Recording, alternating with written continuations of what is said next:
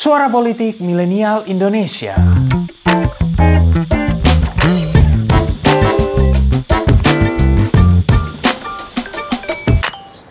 Hello? Good morning, Mr. Koloborochka. Can I connect you with Angela Merkel? Yes, you can connect. Hello, my congratulations. We decided to take your country to the European Union. Oh, fuck! Oh, I'm sorry. Oh! Ini adalah salah satu potongan scene dari TV series Ukraina berjudul Servant of the People yang mengisahkan tentang guru mata pelajaran sejarah bernama Vasil Petrovich Goloborodko yang secara mengejutkan terpilih menjadi presiden Ukraina. Scene yang barusan tadi adalah ketika Kanselir Jerman Angela Merkel ngeprank Goloborodko dan bilang bahwa Ukraina diterima jadi anggota Uni Eropa. Padahal yang dimaksud Merkel diterima masuk Uni Eropa adalah Montenegro. Well, tadi memang tidak ada yang tahu ujungnya. Siapa sangka Vasil Petrovich Goloborodko yang diperankan oleh Volodymyr Zelensky pada akhirnya benar-benar jadi presiden Ukraina di dunia nyata. Yes, Zelensky saat ini adalah presiden Ukraina yang beberapa waktu terakhir menghiasi pemberitaan berbagai media, utamanya pasca negara yang ia pimpin diinvasi oleh Rusia. Situasinya kemudian menjadi cukup kontras. Di satu sisi kita menyaksikan Rusia yang dipimpin oleh Vladimir Putin, seorang mantan agen rahasia KGB, sedangkan di sisi lain ada Ukraina yang dipimpin oleh Zelensky, seorang mantan aktor dan komedian. Dua latar belakang yang berbeda ini sedikit banyak mempengaruhi cara pengambilan keputusan dan bagaimana pada akhirnya arah konflik ini berjalan.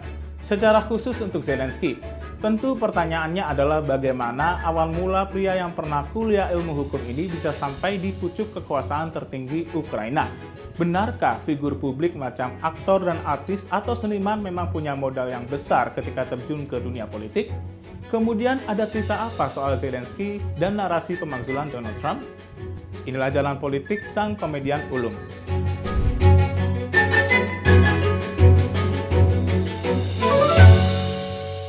Zelensky lahir pada 25 Januari 1978 dari keluarga keturunan Yahudi. Ayahnya, Alexander Zelensky, merupakan seorang profesor dan kepala Department of Cybernetics and Computing Hardware di Kryvyi State University. Sedangkan ibunya, Rima Zelenska, dulunya merupakan seorang engineer sebelum memutuskan untuk pensiun karena alasan kesehatan. Kakek Zelensky yang bernama Semyon Ivanovich Zelensky pernah bergabung dengan Tentara Merah Soviet dan ikut serta dalam Perang Dunia Kedua. Ayah Semyon dan tiga orang saudaranya menjadi korban dari tragedi Holocaust ketika tentara Nazi Jerman menginvasi wilayah Ukraina. Saat kecil, Zelensky sempat tinggal selama empat tahun di kota Erdenet, Mongolia, tempat ayahnya bertugas. Ia juga tumbuh dengan bicara bahasa Rusia sebagai bahasa utamanya. Di umur 16 tahun, Zelensky mendapatkan beasiswa untuk melanjutkan pendidikan di Israel. Namun, karena tak diizinkan oleh sang ayah, ia kemudian melanjutkan pendidikan di Kryvyi Institute of Economics dan mengambil jurusan ilmu hukum. Karir Zelensky di dunia hiburan dimulai ketika di usia 17 tahun, ia ikut kompetisi komedi di KVN yang merupakan stasiun TV komedi Rusia. Zelensky kemudian mendirikan Quartal 95, sebuah grup komedi yang kemudian berubah menjadi studio program TV yang memproduksi acara-acara TV. Di kemudian hari Quartal 95 ini menjadi modal politik Zelensky untuk terjun ke dunia politik. Zelensky juga membintangi beberapa film, misalnya Love in the Big City, lalu Office Romance, dan beberapa film lainnya. Ia juga jadi pengisi suara Paddington untuk film Paddington yang ditayangkan di Ukraina. Zelensky sempat menjadi anggota direksi dan produser untuk stasiun TV Inter antara tahun 2010 dan 2012. Keterlibatan Zelensky di isu-isu politik mulai terlihat ketika perang di Donbas mulai bergulir. Kuartal 95 tercatat memberikan donasi hingga 1 juta hryvnia kepada militer Ukraina, kurang lebih sekitar 480 juta rupiah. Di tahun 2015, Zelensky menjadi bintang utama dalam program TV series Servant of the People. Seperti yang disinggung di awal, ia berperan sebagai guru mata pelajaran sejarah yang terpilih menjadi presiden Ukraina. Series ini tayang selama 3 season dalam 51 episode. Nama Zelensky juga makin melambung lewat series tersebut. Menariknya, kalau dilihat dari program-program TV dan film yang pernah dibintanginya, kebanyakan di antaranya adalah yang menggunakan bahasa Rusia. Sementara Quartal 95 memulai debut mereka juga saat festival di Sochi, yang merupakan kota resort terbesar di Rusia. Jadi memang relasi Zelensky dengan Rusia sudah terbangun dan mengakar cukup panjang. Zelensky menikah dengan Olena Kyasko yang merupakan teman kuliahnya dulu. Kiasko juga tercatat sebagai salah satu screenwriter di Quartal 95 yang didirikan Zelensky. Lalu, bagaimana Zelensky bisa terjun ke dunia politik? Well, di tahun 2018, beberapa anggota dari Quartal 95 mendaftarkan pendirian partai politik yang diberi nama Servant of the People, sesuai dengan nama series yang dibintangi oleh Zelensky. Walau awalnya menyangkal akan maju ke dunia politik, Zelensky akhirnya mengumumkan bahwa ia akan berpartisipasi sebagai calon presiden Ukraina di tahun 2019.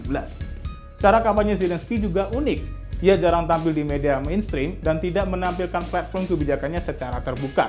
Ia lebih banyak menggunakan media sosial dan YouTube untuk meraih simpati masyarakat dan menjaring suara pemilih. Sedangkan dalam kampanye tradisionalnya, Zelensky melakukan semacam tour stand-up comedy keliling Ukraina bersama dengan Quartal 95. Dari program-program politiknya, Zelensky menampilkan diri sebagai sosok yang anti-establishment, anti-korupsi, dan menjanjikan perubahan pemerintahan yang lebih profesional dan diisi oleh orang-orang yang lebih kompeten. Segala upaya kampanyenya itu akhirnya membuahkan hasil. Ia berhasil memenangkan pemilu Ukraina dengan persentase suara hingga 73,22 persen. Zelensky juga kemudian menunjuk beberapa tokoh yang berkecimpung di dunia hiburan, termasuk dari Quartal 95 sebagai pembantunya di kabinet. Beberapa nama di antaranya adalah Andriy Yermak yang sebelumnya dikenal sebagai produser film, ditunjuk sebagai kepala kantor kepresidenan. Lalu ada nama Serhiy Shafir yang dikenal sebagai penulis skenario dan produser, ditunjuk sebagai penasihat kepresidenan. Kemudian ada Ivan Bakanov yang merupakan direktur Quartal 95 yang ditunjuk sebagai direktur intelijen domestik.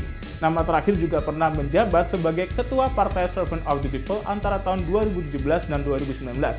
Hmm, menarik nih, orang TV jadi kepala intelijen. Wow. Ada cerita menarik di sekitaran upaya pemakzulan Donald Trump sebagai Presiden AS jelang pemilu AS tahun 2020 lalu disebutkan bahwa salah satu alasan Trump berupaya dimakzulkan adalah karena ia menggunakan status kepresidenannya untuk mendapatkan informasi dari Zelensky terkait lawan politik Trump kala itu, Joe Biden.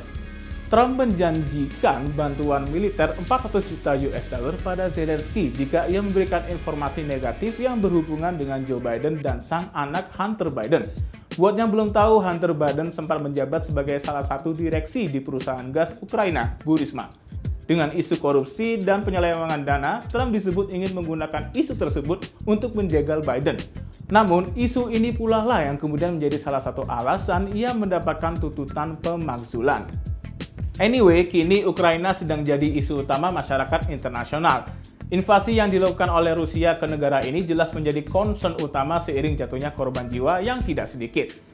Tentu ini akan jadi tantangan besar bagi Zelensky. Pengalamannya yang minim di dunia politik memang membuat banyak pihak ragu apakah Zelensky bisa membawa Ukraina keluar dari konflik ini. Well, jadi presiden beneran tentu berbeda dengan narasi presiden di series yang digariskan oleh para penulis skrip. Apalagi yang dihadapi kini adalah Vladimir Putin yang bukan tokoh politik sembarangan. Walaupun demikian, banyak pihak juga yang tetap yakin Zelensky bisa membawa perubahan untuk Ukraina, termasuk dalam konteks hubungan dengan Rusia. Apa pun itu, hanya waktu yang bisa menjawab. Yang jelas, perang memang membawa banyak kehancuran dan dampak negatif untuk peradaban. Sebab seperti kata Jean-Paul Sartre, when the rich wage war, is the poor who die. Terima kasih telah mendengarkan episode kali ini. Nantikan episode-episode selanjutnya dan jangan lupa untuk kunjungi pinterpolitik.com untuk dapatkan informasi seputar fenomena politik di Indonesia. See you next time and bye-bye.